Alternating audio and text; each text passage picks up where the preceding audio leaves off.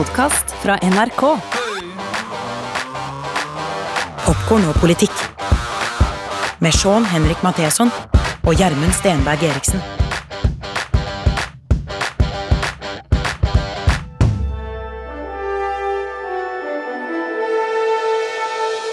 Og hvor skal vi i dag? Vi skal utrolig langt, og vi skal eh, selvsagt reise på den absolutt beste måten du veit å reise sjøl. Herregud, vi er i Starship Enterprise! Ja, vi skal jo på oppdagelsesreise. Vi skal så langt som podkasten aldri har reist, føler jeg, sånn kulturelt. Og da syns jeg vi må dra på den måten som det er kanskje flest ønsker seg i verden å reise på oppdagelsesreise. Ja, Where no man has been before. Langt der ute i, i verdensrommet. La oss høre med kapteinen, som du kjenner litt bedre enn meg. Make it so. Captain Picard, Gjermund! Ja, Star Trek det handler om framtidsoptimisme, om det positive ved å være på oppdagelsesreiser, og hva teknologi kan gjøre. Og du har jo mye sterkere forhold til Star Trek enn det jeg er. Jeg er jo mer Star Wars og Matrix eh, sci-fi-fyr. Ja, ja. hva, er- hva er ditt sterkeste øyeblikk? Mitt sterkeste øyeblikk er en episode, jeg husker ikke hvilken sesong det er i, men det er da Captain Picard, legendarisk eh, Star Trek-kaptein Den eh, skalla kapteinen. Skalla Skallekapteinen. Eh, Han, han havner på en eller annen mystisk måte på en annen planet. Eh, På den planeten, eh, Han blir borte for mannskapet sitt. Eh, På den planeten så lever han altså ut et helt liv. Han blir gammel, han får familie, han får barn. Han blir der til den dagen han skal dø, og akkurat idet han skal dø, så finner eh, mannskapet på Enterprise ut hvor han er hen, og så henter de han tilbake. Kan du tenke deg Og så kommer de med teknologi som bare spoler tilbake livet. Og dette syns jeg hørtes så utrolig lurt ut. La oss bare høre her hvordan han eh, har da fått et helt liv fullt av klokskap. For dette er jo da, har jeg googla, og da fant jeg ut at dette er en på Picards Legendary Speech-klipp-liste. Hør nå. The question of justice has concerned me greatly of late. And I say to any creature who may be listening, there can be no justice so long as laws are absolute. Even life itself is an exercise in exceptions. Ja, og Star Trek eh, kom i en tid da man var teknologioptimister. Jeg syns vi må snakke om sci-fi i dag, av flere ulike grunner. Det har jo gått fra nerd til herd. Altså fra at vi var litt, litt få, vi som var sci-fi-entusiaster på 80- og 90-tallet, eh, til eh, vi var nerder, og det er jeg fortsatt. Men så er det herd, det er flokk. Ja. Alle følger med på sci-fi når det er bredt nok. Ja, men, men det, er, det er noe annet enn Star Wars, eh, vil jeg si. Ja, Ja, men det ja. er en annen form for det er, altså, Dette er Star Trek. Ja, ja, Trek ja. Er for reise, ikke sant? Oppdagelsesreise. Yes. Star Wars krig. krig. Ikke all teknologi fører til det bedre, men teknologimessig så fant Startalk opp en del fantasifostre som har blitt virkelig. Kan ikke du bare ta lista over ting som var utrolig merksmoody ja. når man så det i Startalk første gangen? Jeg kan jo, jeg, Kom igjen, jeg kan jo bare si mobiltelefoni. Altså noe så enkelt som det, liksom. Eh, vi har eh, altså eh, pads, iPads og sånne Tablet, computer, tablet, som de kalte det. Ja, ja, men det er rett og slett en iPad. Food replicator, har vi det? det har ja, vi du har en matkopi. Altså, ja, du kan 3D printer, mat og alt det der det er Helt riktig, det.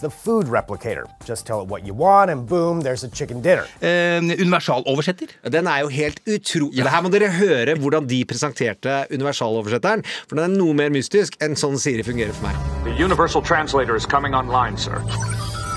Ugly. Ugly. Giant. Bags of mostly water. Bags of mostly water. An accurate description of humans, sir. You are over 90% water surrounded by a flexible container. Ja, Og det er jo da verdens enkleste ting å si til Siri. Kan du lese opp denne på det? Søren, Nei, det er utrolig. Eh, personlig assistent. Ja, det er jo Siri. Ja, Det er jo Siri. Det er, det er, altså, vi har Holodeck, eh, som jo er virtual reality, som jo kan ligne på det. Eh, Tractor beam, men det finnes vel Jo da, Det man har gjort er at man har funnet en måte å lage en stråle som løfter mikrober til seg. Ja, Så det er jobber man mikrober, med i New York. ja, er men vitenskapsfolka har fått det til. Eh, phaser, altså Set phasers to stun. Og det er jo Star Trek er jo, i motsetning til Star Wars, ikke volds... Det handler ikke om å ha, reise et sted og ha et voldelig oppgjør. Det gjør jo mye Star Wars. Men de har jo nødløsningen, og det er en phaser. Hvor det oftest så blir det bare svimslått. Du lammer dem, ja. Ja, men du kan stille den inn på kill, død. Ja, du, kan, ja, ja. du kan Men det har amerikanske forsvaret har lagd noe som de kaller dazzler. Oh, ok, greit.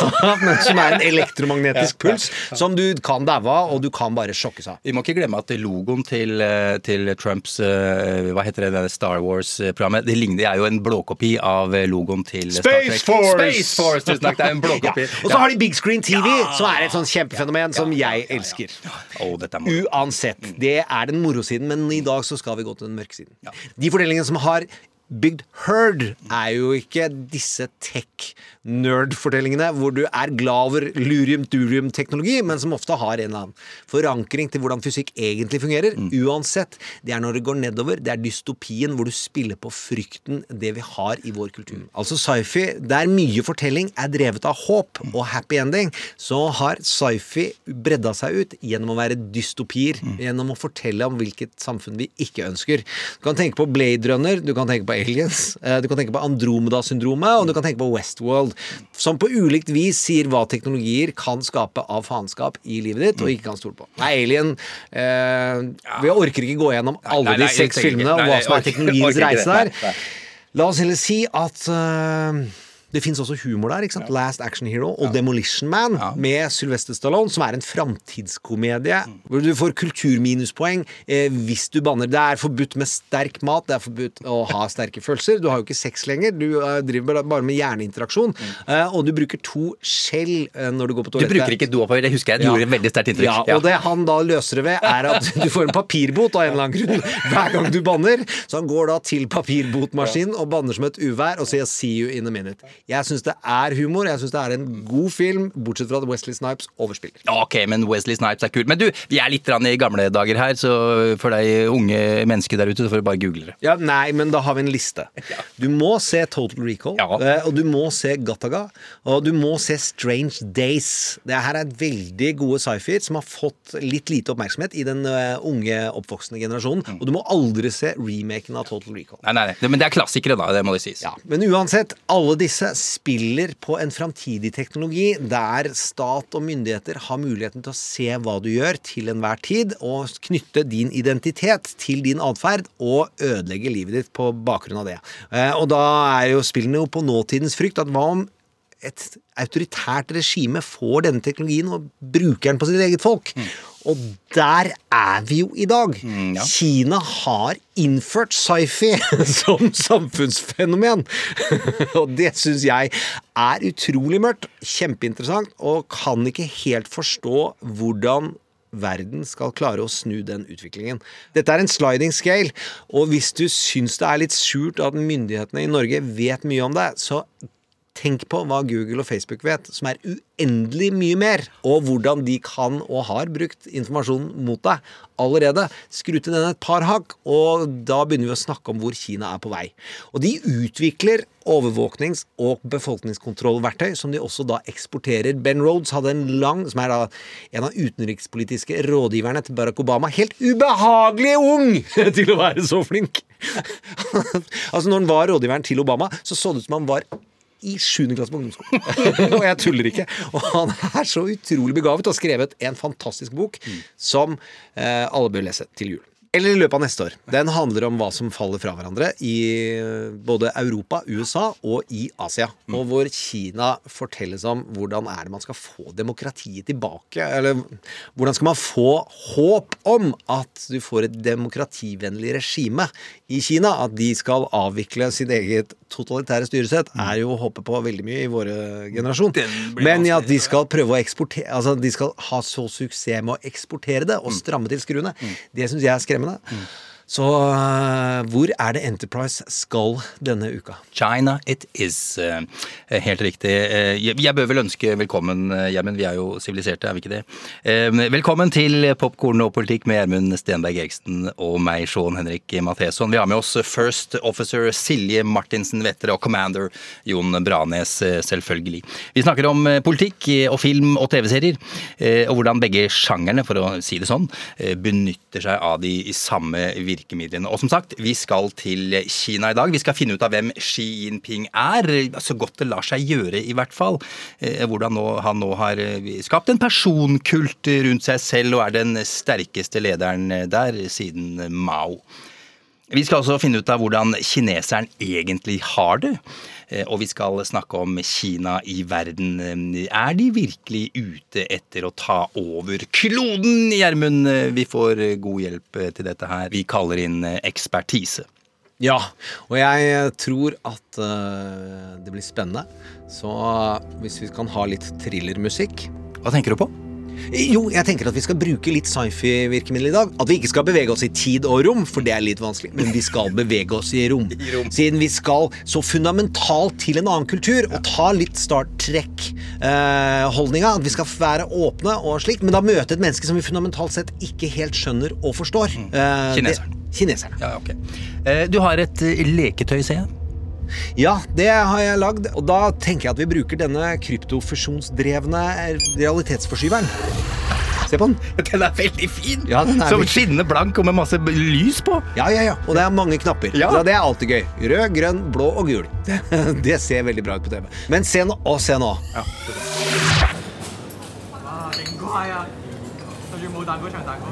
Ah, vi er på restaurant! Ja, det er en realitetsforskyver, skjønner du. Åh, det var deilig! For nå skal vi jo ta vår podkasts berømmelige forretter. Ja, det er lov å sette pris på realitetsforskyveren. Ja, det får en si, altså. Faen, Fader, altså. Eh, Forrett nummer én og nå Der, ja. Å, Gjermund, det er ingenting som en haug av deilige kinesiske småretter, eller fusion, da, om du vil. Oh, dumplings! Tror du vi får det? Dumplings er helt fabelaktig. Det er jo Ettersushi, det beste jeg vet i hele verden. Elsker denne eddiksausen og den sterke chilipasten. Mm, det under dette flettede bambuslokket, man tror? Ah, ok, ja, ja, ja, ok. Boris Johnson og julefesten i 10 Downing Street i fjor. Da hele landet var i lockdown og ingen fikk lov til å treffe noen. Eh, Og på den samme dagen så var det vel over 500 briter som døde av covid-19. Mm, Litt seig, kanskje? Mm.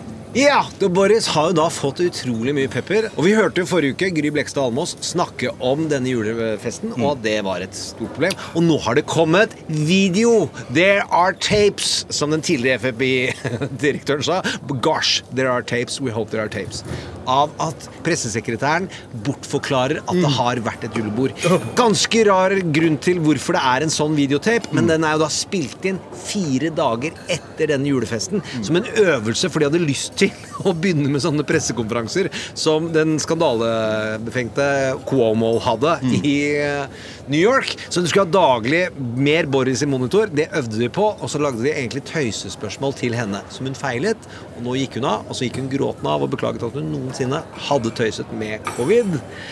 Men de beklaget egentlig ikke festen. Nei, Fortsatt de ikke, ikke det. det. De beklaget at de ble avslørt. Og det er um... Og du kan grines.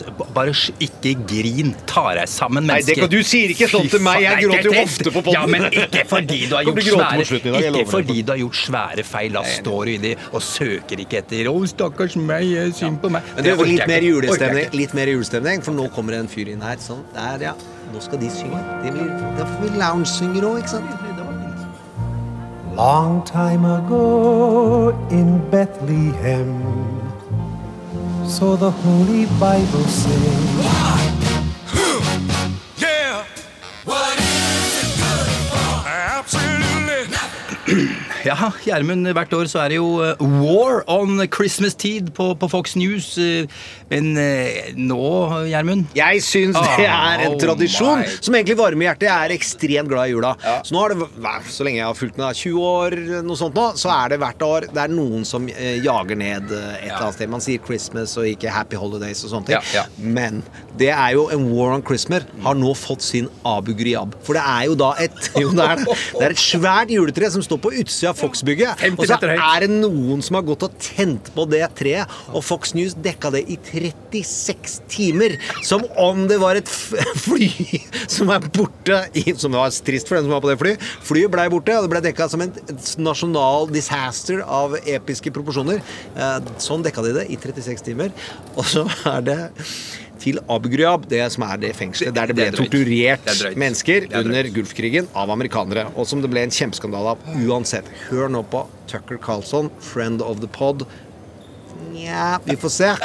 Han har en framstilling av hvor alvorlig dette er med et brennende tre på utsida av huset, der politiet sa ganske tidlig, ganske raskt i de 36 timene, dette er en mentalt forstyrret mann som har tent på det treet. Vi burde gå videre. Dette er ikke noe mas med. Den funker ikke på Tucker. Torching Christmas trees is an attack on Christianity. Obviously, it's an assault on religious observance. By current standards, destroying someone's religious symbol would be called a hate crime. That's a category much beloved and meticulously chronicled by the Biden Justice Department. The DOJ can tell you precisely how many Qurans were burned last year in the United States, but they don't keep track of Christmas trees. Why is that? Well, because they could care less. Tucker Carlson, friend of the pod, eller clown of the pod? Jeg syns Clown er nesten for ufarlig med tanke på hans mediemakt. eh, Hvor mye han har å si for basen i USA. Så eh, la oss gå til neste, som også har en uh, ikke clown-assosiasjon, men ligger nærmere Joker. Og det er jo en egen uh, Det er jo en egen julefortelling der det blir litt sånn skummel julefortelling. Og da skulle vi lage litt skummel greier, så da Skummel lyd på restauranten. Det er mulig. Ja, det, det går an tydeligvis. Ja, og det det handler om, er at det er nå noen ganske langt ute på høyresiden i Representantenes hus, eh, blant republikanerne, som har tatt fram en liten juridisk spissfindighet som vi er klar over, en del av oss som følger dette nøye, men som han har glemt litt. Og det er at hvis republikanerne vinner i 2022 i Representantenes hus, altså den folkeforsamlingen hvor det velges hvert andre år, bytter ut alle sammen, Det er Nancy Pelosi er leder i dag da kan de velge den lederen de vil, og det behøver ikke være blant representantene selv. Nei, ikke av de valgte. det er Og hva heter verdens største douchebag i USA? Han som er under etterforskning for å ha sex med mindreårige, for han driver med trial faktisk ekte barneprostitusjon. Matt Getz, tenker Ja, du på? vi legger ut på Ja. Facebook-sida eh, bilde av sånn at alle husker hva det er for en slags juledude. Ja, ja. Og Taylor hva heter? Marjorie Taylor Greene, Marjorie eller? Taylor Green, som også er ganske langt ute. De vil ha Trump som leder for Representantenes hus. Og hvis det da blir slik at det blir omstridt rundt valgresultatet i 2024, noe hele planen hvordan stormingen av Capitol Hill i januar nå er bygd opp til at dette skal de kjøre på i fire år. Tvil om det, så, går, så har de lederen i Representantens hus fiks ferdig. Den tredje øverst. Eh, Donald Trump blir president allikevel. Uh, ja, var det Atlantic, denne fantastiske avisen på nettet som du bør lese, du som hører på? Var det de som skrev at uh, 6. januar, det var kun en generalprøve? Ja, men det sa vi i en podkast som vi har som heter Trump mot verden. Rett etterpå også. Dette har vært planlagt å skape et sår og en løgn rundt valgresultatet som skal utnyttes og tjenes penger på og vinnes valg med i 2022 og 2024. Eh, Men Atlantic går litt dypere enn pratefarer på podkaster. Men eh, julenissen, skal vi ha en han? Ja, hvorfor ikke? Nei, vi skal til Kina. Du, du Gjermund, kan jeg få prøve den kryptofusjonsdrevne realitetsforskyveren din? Så klart du kan det. Her, sånn. Det blir veldig moro. Vi, vi må jo be folk om å gå inn i appen NRK Radio og høre tidligere programmer. Eh, Vi legger jo ut klipp og slike ting eh, som vi snakker om på denne fandrevne Facebook-siden Popkorn og politikk. Ja, og eh, logg dere inn. Det er altså e brukernavn og passord, for da får man et tips fra NRK om når podden kommer. Og det er vi opptatt av. Og så ligger alle Trump mot verden og Popkorn og politikk-episoden. Helt riktig. Men du, da, du trykker på den knappen der. Den Det hva skal du, da? Den? Ja, Mer jul? Ja. Men nei, Fy, fy farao! Skal vi fly på drage til Kina? Selvsagt. Enter Er ikke det litt nedlatende? Enter the dragon. Nei, men du, det er jo fantasy, det er ikke sci-fi. Se nå, du! Hva i all Du setter på rakettmotorer på en drage? Selvfølgelig. Herregud, så moro! Vi skal til Kina. Du, har vi tenkt å spille sånn der, eh, kulturnedlatende sang på veien over, eller? Ja, Kanskje. Kung fu fighting!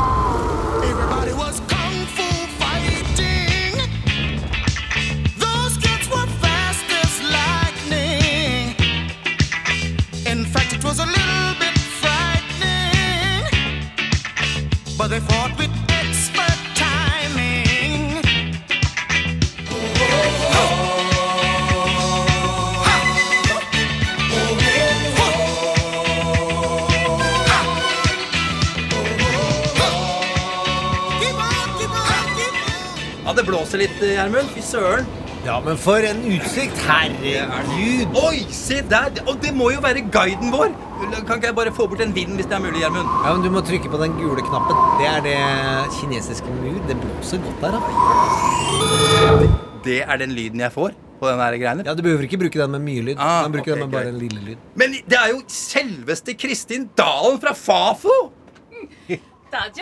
Åh! Skje, skje, sier jeg da. Jeg vet ikke hva du egentlig sa nå, Kristin. Nei, nå sa jeg bare hei. Ja, ok, Da sier jeg takk. Det er kanskje litt rar rekke. Jeg tror det er greit. Er det innafor? Ja. Kung fu, sier jeg. Ja, men det går òg. Det var flaks at det var Kristin Dalen, for hun er ekspert på Kina, Gjermund. Det er nydelig. Ja, det, tror jeg vi det- trenger. Dette kommer til å være mye mer relevant dersom vi har en ekspert på Kina. Ja, jeg tror også at det er litt viktig nå.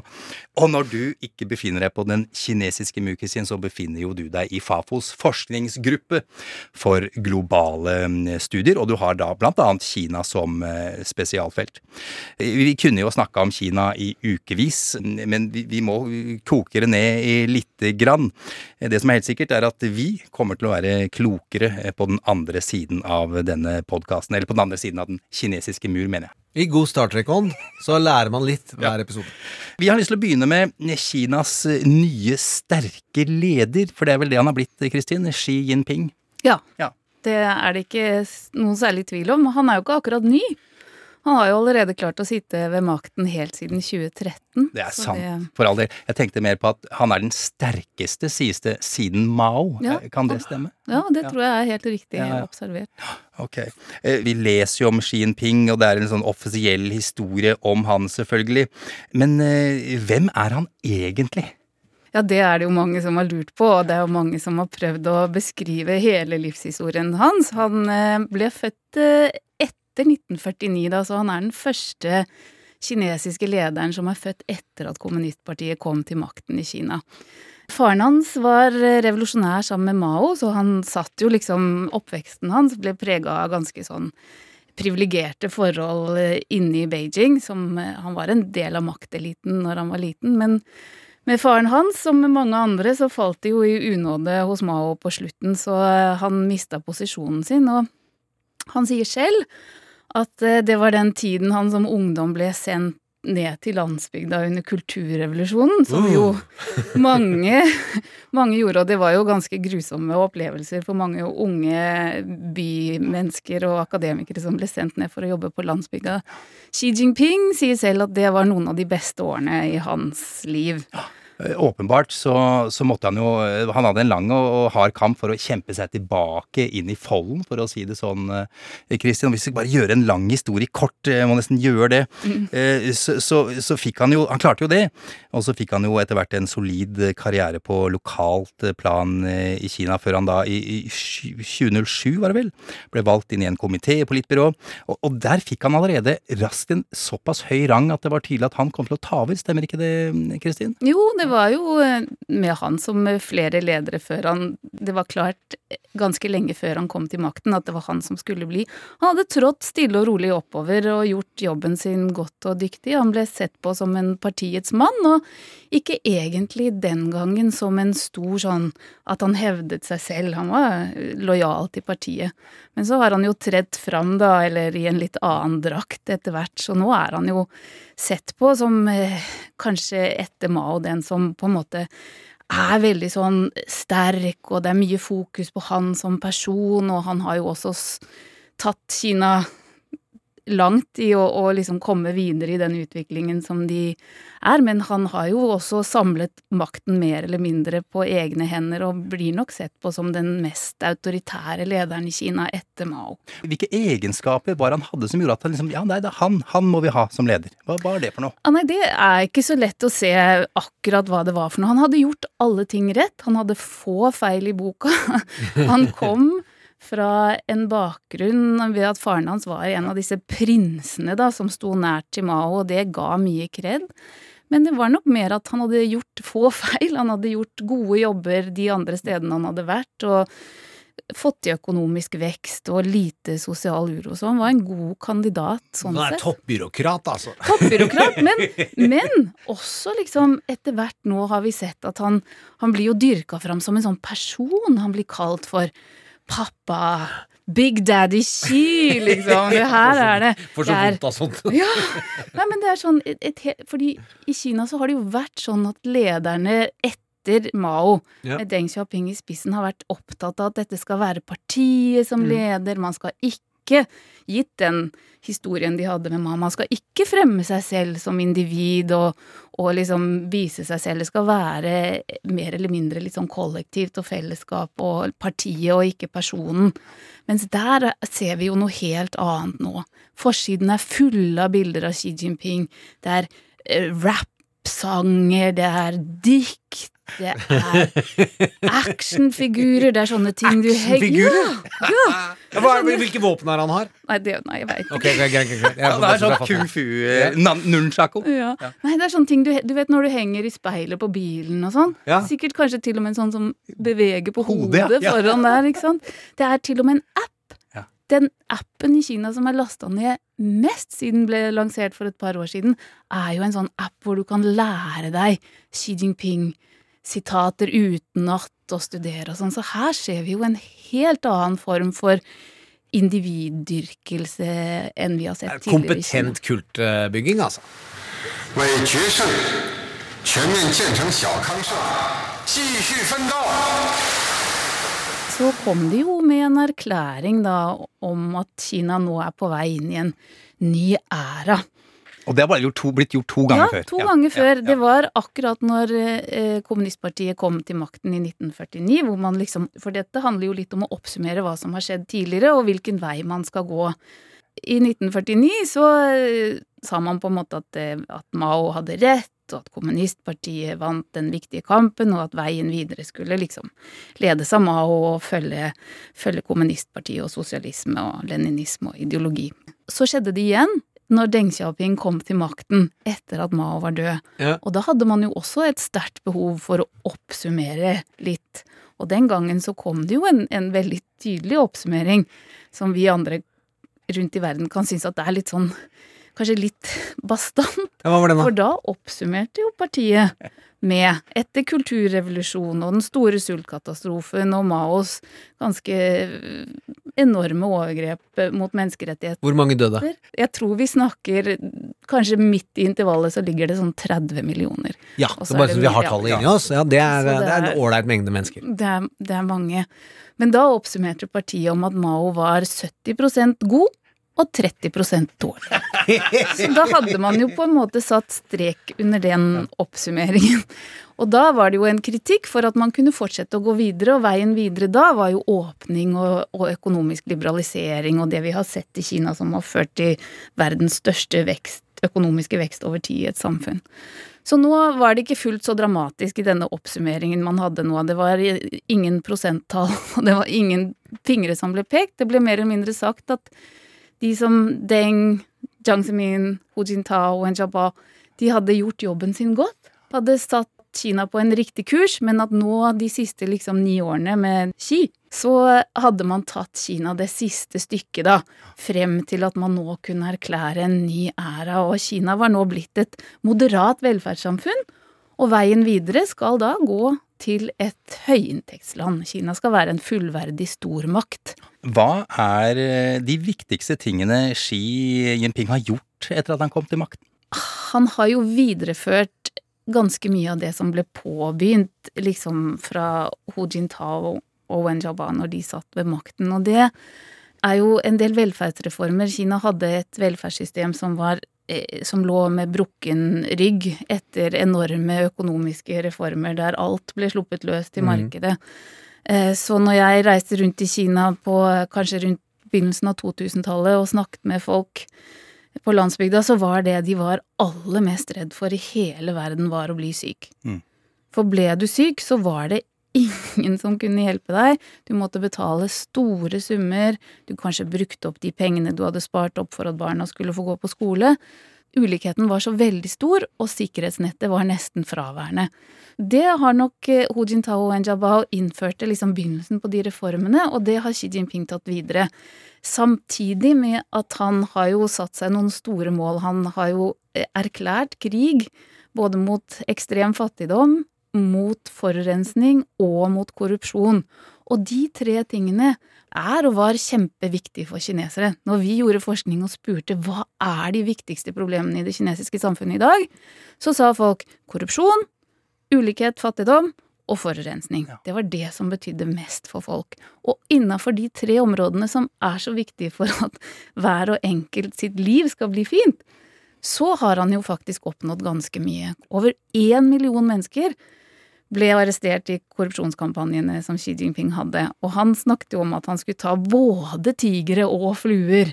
Så han skulle ta både de store gutta som satt Det er bra metafor! Veldig bra. Må bruke den med oftere. Jeg skal Jo, men jeg syns det er litt trist at man tar tigre. Ja, altså, fluer er jo De er litt utrydningstrua i utgangspunktet. Ja, men de straffer også de har han tatt de virkelig store? Altså, ja, mange si av de store har han tatt. Det er nok sikkert altså, Korrupsjon finnes fortsatt i Kina, men på et helt annet nivå. Det blir enn lettere det tatt hvis du både er korrupt og du driver med noe som ikke passer han. Ja, for det er jo den andre tingen. det- det, Korrupt og venn er jo Ja. ikke så Det er jo en måte å fjerne motstandere på. Hvis alle er korrupte, så fjerner du alle. Så er det en fin Og det tror jeg alle er enige om, at eh, man har fått bukt med korrupsjon, ja, men man har også brukt denne kampanjen til å kvitte seg med politiske motstandere som kunne potensielt Mm. ha gitt litt motstand. Ja, jeg- tenkte på en fyr som Jack Ma, altså mannen Ja, bak eh, ja. Alibaba, dette netthandlerstedet som jo er helt eh, gigantisk og enormt.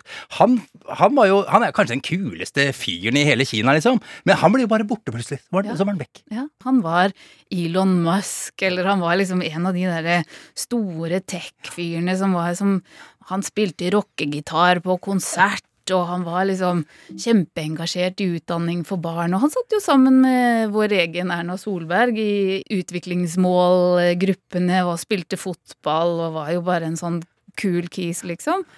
Og disse tech-firmaene har jo hatt en sentral rolle i Kinas utvikling og har vært under vingen på kommunistpartiet. De har fått betale lite skatt, de har fått lov til å gjøre ganske mye som de vil.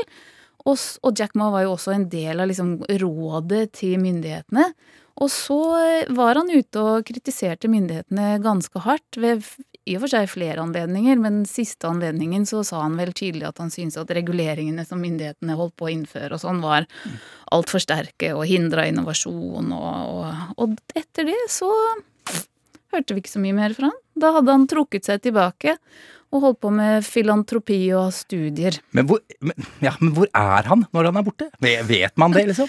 Nei. Sitter han i husarrest eller i fengsel eller Ja. arbeidsleir, eller hva skjer? Ha- Jeg tror nok De har neppe- god, godt utviklet fengselsindustri der. Det Ja, har jeg, det har har jeg de, fått men med jeg meg. tror neppe det er der Jack Ma sitter når han eh, er, er borte fra offentligheten. Men han dukka vel opp igjen, Kristin? Gjorde Ja, han ikke det? Ja. Og da har han litt bedt om unnskyldning og sånn, da? Eller så er Ja, han det har i greit hvert igjen? fall ikke fortsatt kritikken. 伟大、光荣、正确的中国共产党 万岁！Er det noe sladder på han, eller? Går han, er det liksom, er han, eller er den bare helt perfekt? Altså, Helt perfekt er litt rart å beskrive en totalitær leder som bruker Nei, midler. men den offisielle Ja, historien, da. tennis, kvinnelige Ja, tennisspillere er hørte vel hva borte. Kristin sa? Ja ja, men at han har gjort alt riktig sånn. Finnes det noe sladder på Har han noen antagonistiske, komiske trekk, eller har han blitt tatt for hvordan han helt brutalt fjerner en politisk motstander? Er det noe Det har, han, snusk? det har han ikke blitt uh, tatt for. De bare blir borte. Eh, de forsvinner stille og rolig. Men eh, det er også snakk om at familien hans eh, har skodd seg og sitter på store formuer. Datteren hans har jo studert i USA, så det er litt sånn eh, smågrums. Men det vi vet, er jo at sensuren av disse tingene er veldig sterk. Når noen prøver å tulle med han, for eksempel, så blir det jo slått umiddelbart Det orker han ikke. ned på. Det er, om ikke han orker det, så orker i hvert fall ikke partiet det. Så det blir sett på som en stor fornærmelse. Utrolig trist hvis han ikke har humor, da. Ja, men det, han, han orker ikke for eksempel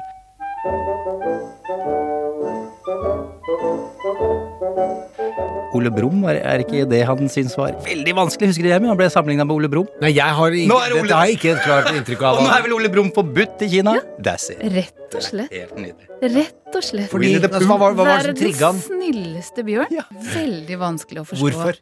Jeg vet ikke om dere har sett bilder av Xi Jinping. Han er jo ikke liksom veldig smal.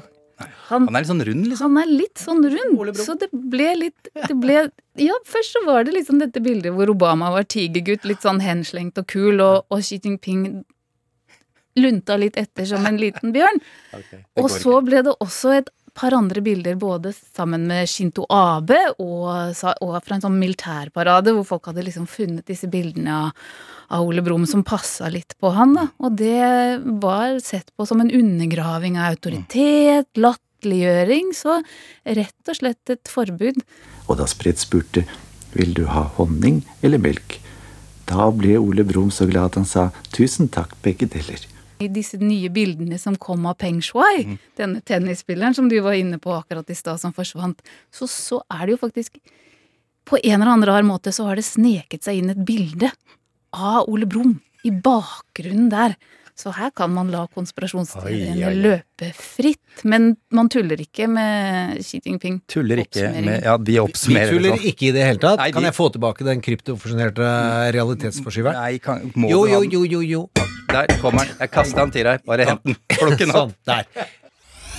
Vi skal nærmere det kinesiske folket, sa du. Eh, Jeg føler at jeg har hele Kina i mine hender. Så hvis du kan si det klassiske ordet Nei, kom igjen, meg. Ok, Kan du si det? Tepao! Nettopp!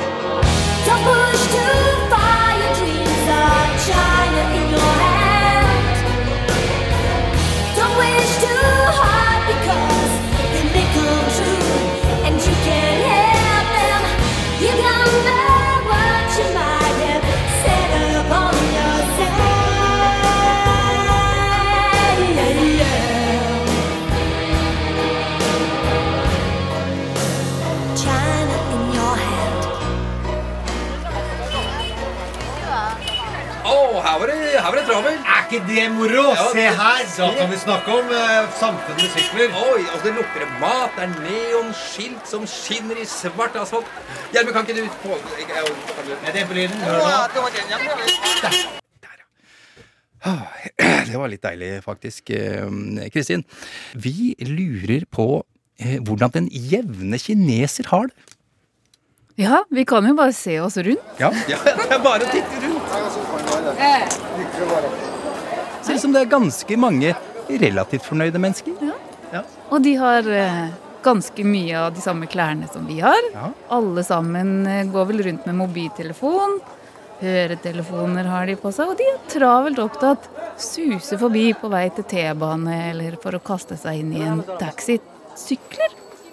Ikke så mange. Ikke så mange lenger. Men er det sånn eh, hvis vi reiser litt ut av Beijing og går ut på landsbygda også? Ser det likt ut der, eller? Nei, Nei. det gjør nok ikke det, men det har skjedd veldig mye på landsbygda. Og det er vel det liksom som jeg tenker når vi skal snakke om hvordan kinesere flest, som er den litt rare måten å snakke om det på. Nå er det vanlige kineseres tur. Ja, Ja. nå er det Ja, vanlige rett kineseres tur. Og det, tilbake til Xi Jinping, det er jo et av hans slagord. Fordi jeg tenker at utviklingen i Kina de siste 40 årene har vært helt enorm.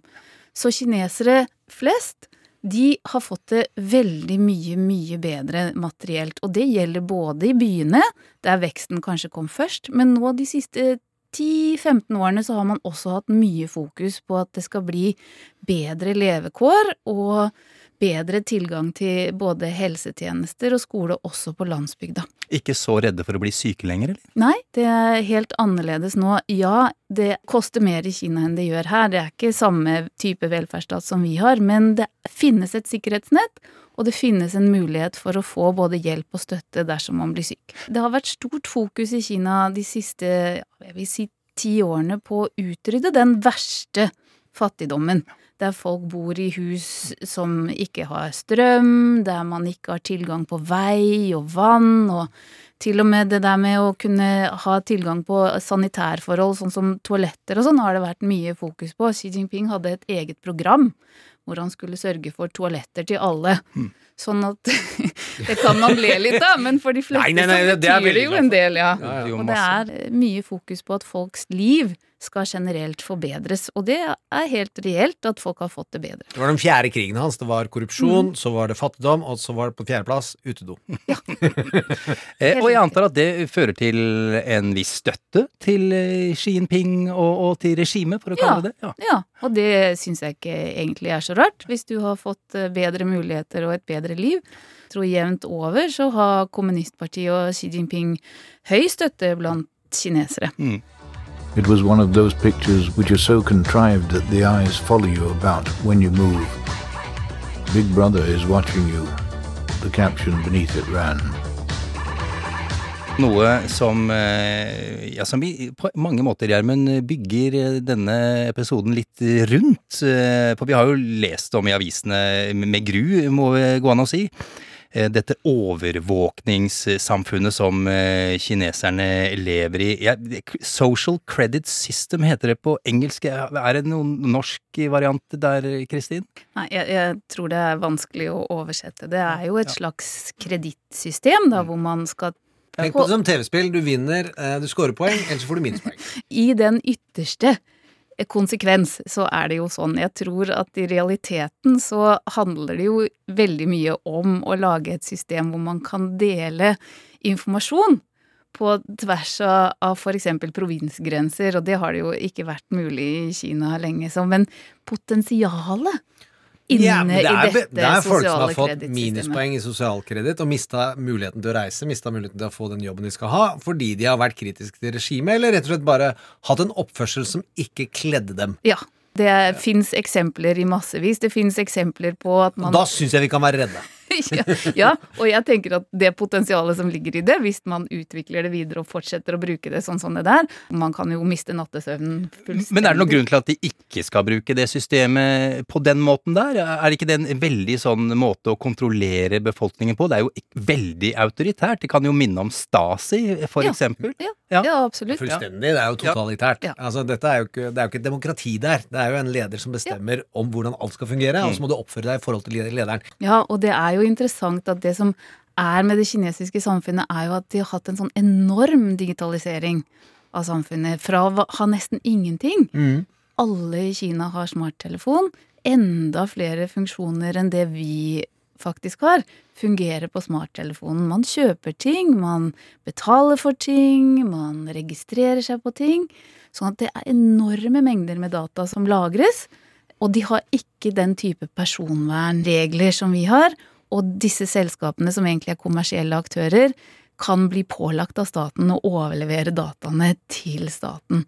Så da, når man koker i hop det, i en tradisjon som, som aldri har lagt så veldig mye vekt på person, altså individuelle rettigheter og individet som en, som en egen og viktig enhet, der Mm. samfunnet har vært viktigere, og man også legger inn i gryta et overvåkningssamfunn som har kameraer på nesten hvert eh, gatehjørne og hver lyktestolpe, så kan man jo, ja, som sagt, miste nattesøvnen og bli ordentlig redd. Det å bli overvåket så tett, det må jo gå utover menneskerettigheter, og som du sa, Gjermund, utover demokratiet. Mm. Det, Altså, det finnes jo ikke. Det er jo ikke noe demokrati. Nei, nei, nei, men utover det vi liker og skulle gjerne hatt demokrati, da, for å si det sånn. Individuelle rettigheter, altså en viss Ja. form for frihet. Og det er klart det gjør det. Føler de det statens klamme hånd, eller tenker de, eh, tenker de fleste ikke på det før det liksom rammer noen? Altså de, eller går de og er bekymret for at ja, ja, nå følger noen veldig godt med her? Eller tenker alle sånn må det være, for kollektivet trenger informasjonen om meg. Jeg tror det er litt begge deler, og jeg tror det er litt sånn som du sier, at når man ikke har opplevd den hånden som så hard, eller så klam, så tenker man kanskje ikke så mye på det. Da tenker man sånn, ja ja, men det er jo riktig at de som, som kjører for fort eller bryter loven, skal straffes, og de skal ikke komme unna, og vi skal ha en viss oversikt og sånn, men dette handler jo også om å forstå hvor grensene går. I Kina i lang tid så har det vært ganske tydelig hva man kan og ikke kan gjøre, mens i den situasjonen vi har i dag, hvor det er en tydelig innstramming på individuelle rettigheter. Det er ingen tvil om at demokratiet, hvis det i det hele tatt har noe Eller individuelle rettigheter Dette er svekket i Kina nå under Xi Jinping. Så blir grensene flyttet, og da kan man jo lett trå over uten egentlig å vite det. Og flere og flere i dag i Kina tror jeg merker den klamme hånden mye tydeligere, og da er det klart at da blir det et problem. Da er det lett å begynne å prate om Hongkong og det som foregår der, i forhold til det å slå ned på det som jo var et slags demokrati der, det må vi kunne kalle det. Hvorfor gjør de det? Hvorfor er de så opptatt av å bare ødelegge eh, Hongkong, for å si det sånn? For Xi Jinping så er jo dette her når man skal inn i en ny æra, og han skal ta Kina tilbake til sin rettmessige plass som en global supermakt. Disse hundre årene med ydmykelse etter opiumskrigen skal være ferdig. Nå skal Kina liksom tilbake igjen og finne sin plass. Eh, Eller få sin plass tilbake, ikke nødvendigvis finne den engang, men da handler det jo også om at Kina skal være ett. Og da eh, skal Hongkong være en del av Kina, for i 1997 ble jo Hongkong tilbakeført fra britene til Kina. Men da hadde man jo en avtale om at det skulle være to systemer og ett land, og Hongkong skulle få lov å beholde mange av de rettighetene de hadde hatt tidligere. Hongkong har egentlig aldri vært et fullt demokrati, det, men det har jo vært et sted hvor man har mulighet til å si hva man vil, hvor man har mulighet til å demonstrere som man vil. Men der har jo Kina strammet grepet voldsomt. Og det er nok for å konsolidere det at Hongkong ikke er en uavhengig del. Hongkong skal være en del av Kina. Det ble jo innført en sånn nasjonal sikkerhetslov som på en måte utløste dette her, hvor hongkongere da ikke lenger hadde et vern mot den loven som, som gjaldt i Kina. For å, det, dette er komplisert, men vi kan gjøre det litt enkelt. Og da ble det, førte jo det til store demonstrasjoner i Hongkong. Mm. Studentene sto igjen foran, men dette var en folkelig demonstrasjon. Man hadde hundretusenvis av mennesker som demonstrerte i gatene. Ja, Hvordan har det gått, liksom? Åssen er det i Hongkong nå? Nei, det er vel Man må jo bare innfinne seg med sånn som det er. Jeg, jeg leser i avisene at eh, den ene organisasjonen etter den andre legger ned. Frie fagbevegelser forsvinner. Amnesty har stengt lokalene sine i Hongkong. Det er eh, et press på organisasjoner og ytringsfrihet og organisasjonsfrihet som er eh, overveldende. Før vi går videre og skal snakke om eh, Kina altså sett fra verden, eller hvordan Kina er i verden, blir det vel. Vesten hadde vel et håp om at da Xi Jinping tok over, Kristin, at, at, han var en litt lettere fyr å ha med å gjøre? Ja. Ja. Man trodde kanskje det. Det er jo interessant, syns jeg, den troen man i Vesten har hatt lenge på at hvis økonomisk utvikling bare får gå sin gang, hvis vi bare liksom fortsetter, og så, så kommer det til å skje en endring helt av seg selv. Og mange trodde nok det at når Xi Jinping kom til makten, at han kanskje var den som skulle liksom fortsette en del reformer som man trodde var på gang. I ettertid så ser vi jo historien i et annet lys, og, og kan nok se tilbake og se at noen av den tilstramningen og den formen for, for ny autoritarianisme som man kanskje ser i Kina allerede på slutten av Hu Jintao og Wen Jiabao sin regjeringsperiode, hvor det var tilstramninger allerede da. Altså. Så alt etter 2008, etter OL. Nå er det nytt OL. Mm, Ja, det er det jaggu. Gratulerer. Ja, faen meg. Eh, det, skal vi prøve den der eh, greia di igjen? igjen? Ja, og nå vil jeg Vi skal jo en eller annen gang så må du komme tilbake, for vi må snakke om et annet fenomen som vi ikke gjør i dag. For i dag tar vi sci-fi-perspektivet. Men kung fu-fortellingenes betydning for kinesisk kultur hadde vært veldig moro. Men la oss da dra oppover i fjellene, kikke utover verden via Der, ja! Og så spiller vi denne låta i nettopp fordi det handler om overvåkning. Eh, hva er det på toppen av fjellene? Snow. Informer. Informer. You know, say that I'm a slummy, I go glam. I like you boom boom down. Take the man that says say that I'm a slummy, stop somewhere down the lane. I you boom boom down. Informer.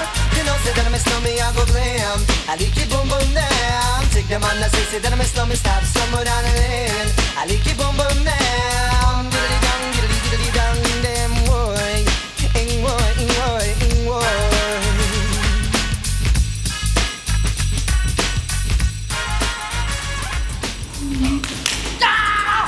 Wow, her går det unna igjen. Du! Kom! Oi, se her, da. Ja, alt er bygd i tre. De har båret alt treverket opp hit, og jeg tror det er her Batman trente seg opp i den Dark Knight. Ja, Hva syns du? Jeg syns det er nydelig. Liker du kung fu-filmer?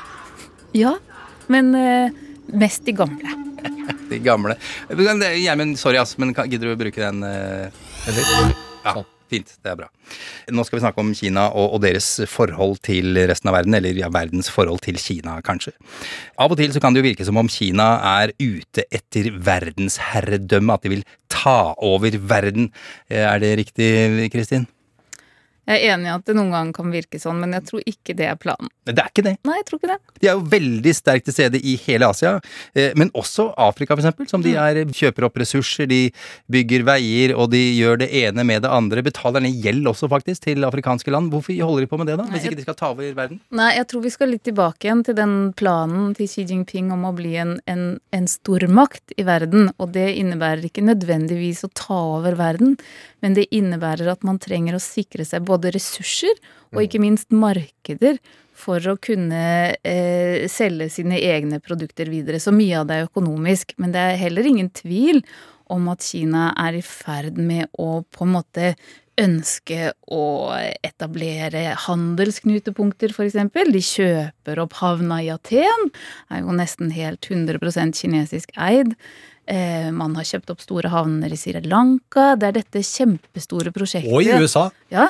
Svære prosjektet som Xi Jinping har starta med allerede i 2013, som heter Den nye silkeveien, da, eller Belt and Road, som de kaller det på, på engelsk. Som er et enormt økonomisk, men også politisk initiativ for å på en måte etablere Kina som en stormakt. Kan jeg få teste min uh, kulturhypotese når det gjelder kinesisk økonomi? Ja. Ja. Uh, Det er jo at de er ikke underlagt kvartalstyranniet, nemlig at du er, til enhver tid må ha avkastning, fordi de driver ikke med tradisjonell markedsøkonomi. Så deres byråkratiske analyse er at det er vår unike konkurransefordel. Og på lang sikt så er jorda dypest sett en kvadratmeterkonkurranse. Med andre ord, vi skaffer oss tilgang på så mange kvadratmeter som mulig, for vi trenger ikke avkastning i Afrika eh, i april. Jeg tror du kan skrive den ned. Kanskje du kan få den publisert et Wow. sted. Fy søren, det var helt rått. Nei, men jeg tror du er inne på noe. Det er viktig å huske at Kina har disse enormt lange planene de opererer med. Tålmodighet. Ja, femårsplanene er liksom de korteste planene de har. Sånn at da, og så handler det om at Kina er ikke nødvendigvis selvforsynt verken med mat eller andre viktige råvarer, så de trenger å etablere det. Man skal heller ikke se helt bort ifra at Kina ønsker seg en verdensorden som er mer åpen for deres viktigste liksom pilarer, da, som handler om at man de, de vil ikke at folk skal blande seg inn i interne anliggender i Kina. De ønsker at eh, f.eks. sosiale og økonomiske rettigheter skal være viktigere enn individuelle rettigheter, sånn som ytringsfrihet og, og kritikk av, av regimet.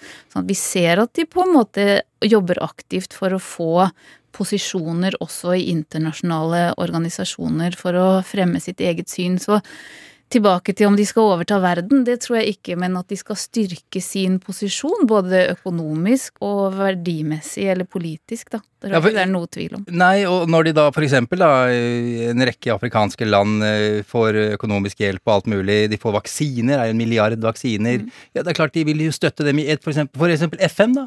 Ja, jeg, jeg tror det at for, for mange land, for eksempel i Afrika, så har man jo fått bistand fra vestlige land over lang tid, men den har vært Folk i mange afrikanske land føler at den har vært for liten, den har vært den har handla om helt andre ting enn det man faktisk trenger, og kineserne kommer inn og bygger vei og Langsiktig jernbane. samfunnsbygging og ikke nød, nød, nød. Altså bare få deg så vidt opp eh, nødhjelp. Ja, og, og den hjelpen som har vært gitt fra f.eks. Verdensbanken eller FN, har jo ofte kommet med veldig sånn tydelige krav om at man skal gjøre ditt og datt for å kvalifisere for den hjelpen, og det har nok føltes som eh, Kanskje at det har vært litt sånn at man blander seg veldig inn i hvordan, hvordan land styres.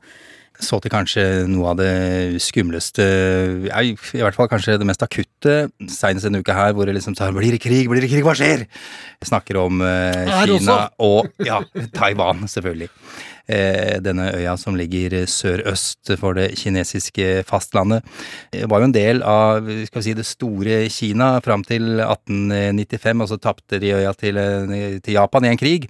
Og etter andre verdenskrig så måtte jo Japan levere tilbake øya. Og i Kina var det uansett eh, borgerkrig, da, og for å si det enkelt, nasjonalistene de tapte jo i 1949, og de flykta til, til Taiwan og gjorde øya til sin egen.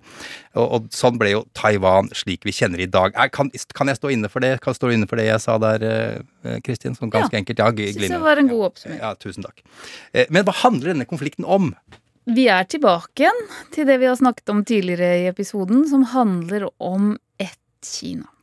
Nettopp. One China. Det handler om at både Taiwan og Hongkong, og i og for seg Macau, som nå er en integrert del av Kina i mye større grad, men som tidligere var en portugisisk koloni, er deler av Kina, og at det på ingen måte kan godtas fra kinesiske myndigheter at eh, Taiwan f.eks. skal bli en uavhengig stat. Taiwan mener jo at de er det ekte Kina. Ja, de gjorde i hvert fall det. Men det, når Chiang Kai-shek tok med seg nasjonalistene over til, til Taiwan, så hadde de jo også en uttalt eh, politikk om at, at Kina skulle samles. Og at det var på en måte regimet på Taiwan som skulle være det gjeldende. Det har de nok eh, gått bort ifra i den siste tida, men eh, i, i Beijing så er det en, en tydelig idé, også eh, i partiet og hos Xi Jinping personlig, om at Taiwan og Hongkong hører til Kina. Men er det sånn at um, de vil invadere? Vil Xi Jinping gå så langt, tror du? Ja, Det, det ville i så fall koste mye. Hva ville det koste? Nei, det, som vi snakka om i stad, så er det jo en kinesisk befolkning på Taiwan. Det er store og, og viktige økonomiske bånd mellom Taiwan og, og Fastlandskina.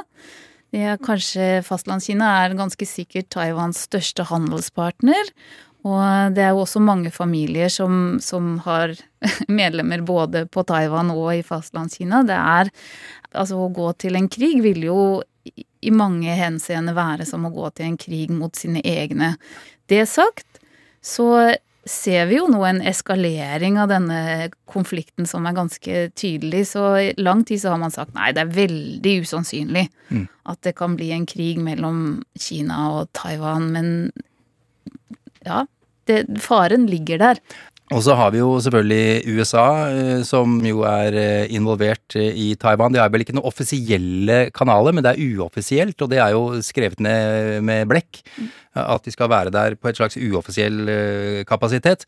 Og Biden sa vel bare for noen eh, ikke lenge siden at eh, dersom det skulle smelle, så er vi der for Taiwan. Tror du det er reelt, det Biden sier der? Det der, det der syns jeg er vanskelig, Ja. men nå har de jo sagt det veldig tydelig, og nå var det vel bare for et par dager siden så var den tidligere presidenten i, i Japan, Shinto Abe, ute og sa det samme. Nå sitter ikke han som statsoverhode akkurat nå, men han mente jo på, på personlig grunnlag at, at Japan også måtte kunne stille opp for Taiwan hvis det skulle komme til en konfrontasjon.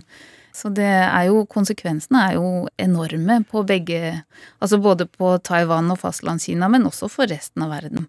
Så hvis vi skal vise et eller annet i kinesiske OL, hvis vi kler ut alle våre deltakere i Ole Brumm-drakter, er det en ålreit måte å si subtilt at vi er somewhat critical? Ja, jeg ville si det var veldig subtilt. Nei, jeg vet ikke. Ikke så subtilt egentlig, kan vi vel si. Somewhat. Jeg er bare en bjørn med svært liten forstand, og slike lange ord er så vanskelige. Kristin eh, Dalen, tusen takk for eh, besøket. Vi kommer nok til å snakke mer om Kina. Tusen takk skal du ha. Ja, takk skal dere ha. Sånn, da må vi ha mer julestemning. Jeg skrur på lyden. Skal vi se jul, vi tar Jen Bakgrunnen. It's the most wonderful time of the year. Ja, ok, Men er ikke folk litt sånn fylt opp av jul? Ikke i det hele tatt. Forrige ukes vinnere, la meg ta dem utrolig raskt her nå. Og dere får jo da på en måte det viktigste man kan få i julen, nemlig en Trump mot verden-kopp. For de skal vi ha ut, og neste uke skal vi lodde ut ti kopper i en superkonkurranse. Vinnerne er Arild Monsen, Andreas Spinange Vik og Vilde Hallgren Bodal. Og hun foreslo en scene i Succession som er utrolig moro. Bare gå inn på fandrevne Facebook-sida, skal legge den ut der. Men uansett, denne uka så er det en ny konkurranse. Må det være en juleepisode? Le, kan du lese konkurransen? Okay, greit, ja. Hva er tidenes julescene? Eh, Altså, hva får fram jula, da, med, med store bokstaver? Er Mer entusiasme. Hva er tidenes julescene? Hva får fram jula med J-U-R-A! Ikke lov å ta Jesus i krybben, bortsett fra det, og send det til Trump at nrk.no. Vi skal ikke ha det på Facebook lenger. Ny NRK-policy. Det syns jeg er litt svakt. Ja, ja, sånn er det i hvert fall. Vi Nei, har men, jo- ja. du, at du ikke griper inn. Nei, ja, ja, hva skal jeg få gjort med Ja, det? men mer jul. Ja, okay. Ja. Tidenes julescene. Ja. Kan ikke jeg få ut den der kryptofusjons... Ja, hva skal du med den? Nei, jeg vil bare bruke den for å vise deg at jeg kan jeg også skape Takk skal du ha. Du kan ikke bite på den! Hvorfor ikke? Jeg tygger i hva jeg vil. Altså, for julestemning-maset ditt kan du Jeg er så lei kan skyve opp et mørkt sted. Jeg har ansvaret for NRKs merkevare i dette programmet, og vi skal ikke promotere julehøytiden på en sekulær måte. Det er den kristne høytiden vi skal hegne om. Jesusbarnet ble født i Betlehem, og dette er ukristelig jul. Det er der jeg skjønte når du var litt sånn mild i kritikken av Fox News War on Christmas, at du var ikke sånn Henrik Matheson. Han ville elsket julen, både Jesus-jul og julejulen jul. Hva er det som skjer? Jeg byttet ut endringsforskyveren med en robothusdal-pille-device.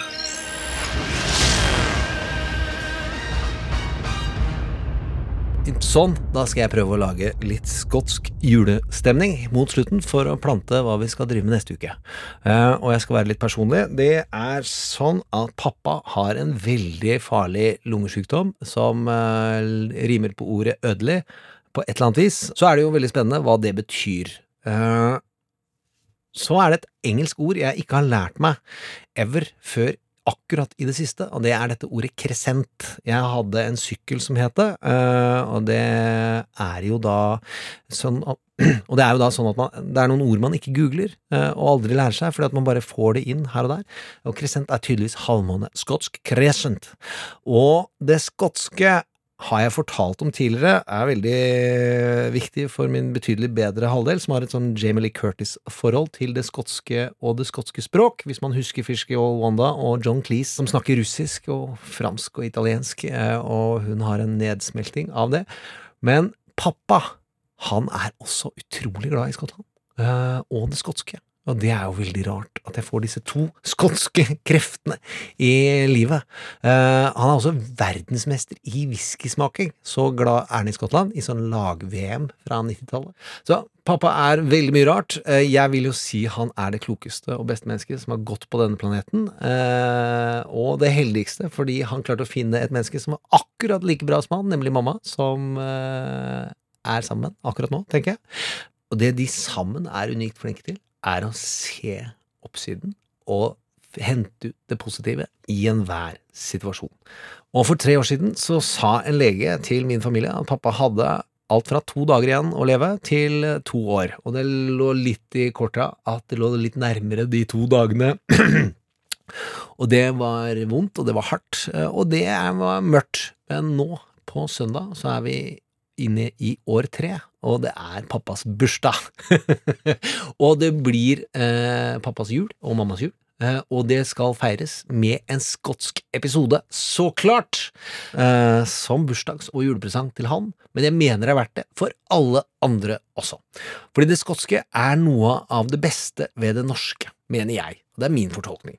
Eh, og det er noe vi er i ferd med å miste. Og det er at det skotske underdog-fenomenet, når virkeligheten sier at dette vil ikke dere få til, så klarer det skotske å stå imot. Og den evnen til å finne det positive, tenke større, og gjøre det Ted Lasso-eske, nemlig tro på at det kan gå bra. Og en av verdens beste band om optimisme, som jeg ikke har skjønt, fordi jeg kunne ikke ordet crescent, det er Waterboys, eh, og den sanglinja som de har. I saw the crescent, you saw the whole of the moon. Sånn er mamma og pappa for meg. Sånn blir det jula.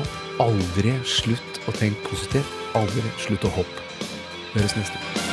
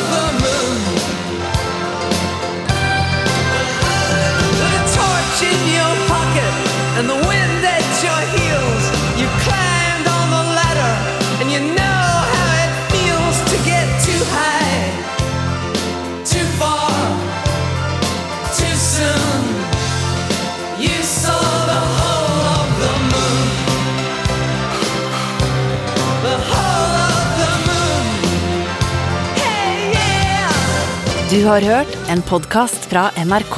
De nyeste episodene hører du først i appen NRK Radio. Det var leit at det gikk hull på ballongen, sa Kristoffer Robin. Det gjorde ikke noe, sa Brum. Det var ikke den riktige sorten bier. Tror du ikke det? spurte Robin. Nei, sa Brum. De laget sikkert ikke den riktige sorten honning heller. Men oppdaget biene at du ikke var en svart sky? spurte Kristoffer Robin. Kanskje, og kanskje ikke. Man kan aldri vite noe sikkert med bier, sa Ole Brumm. Og så gikk de to vennene hjemover.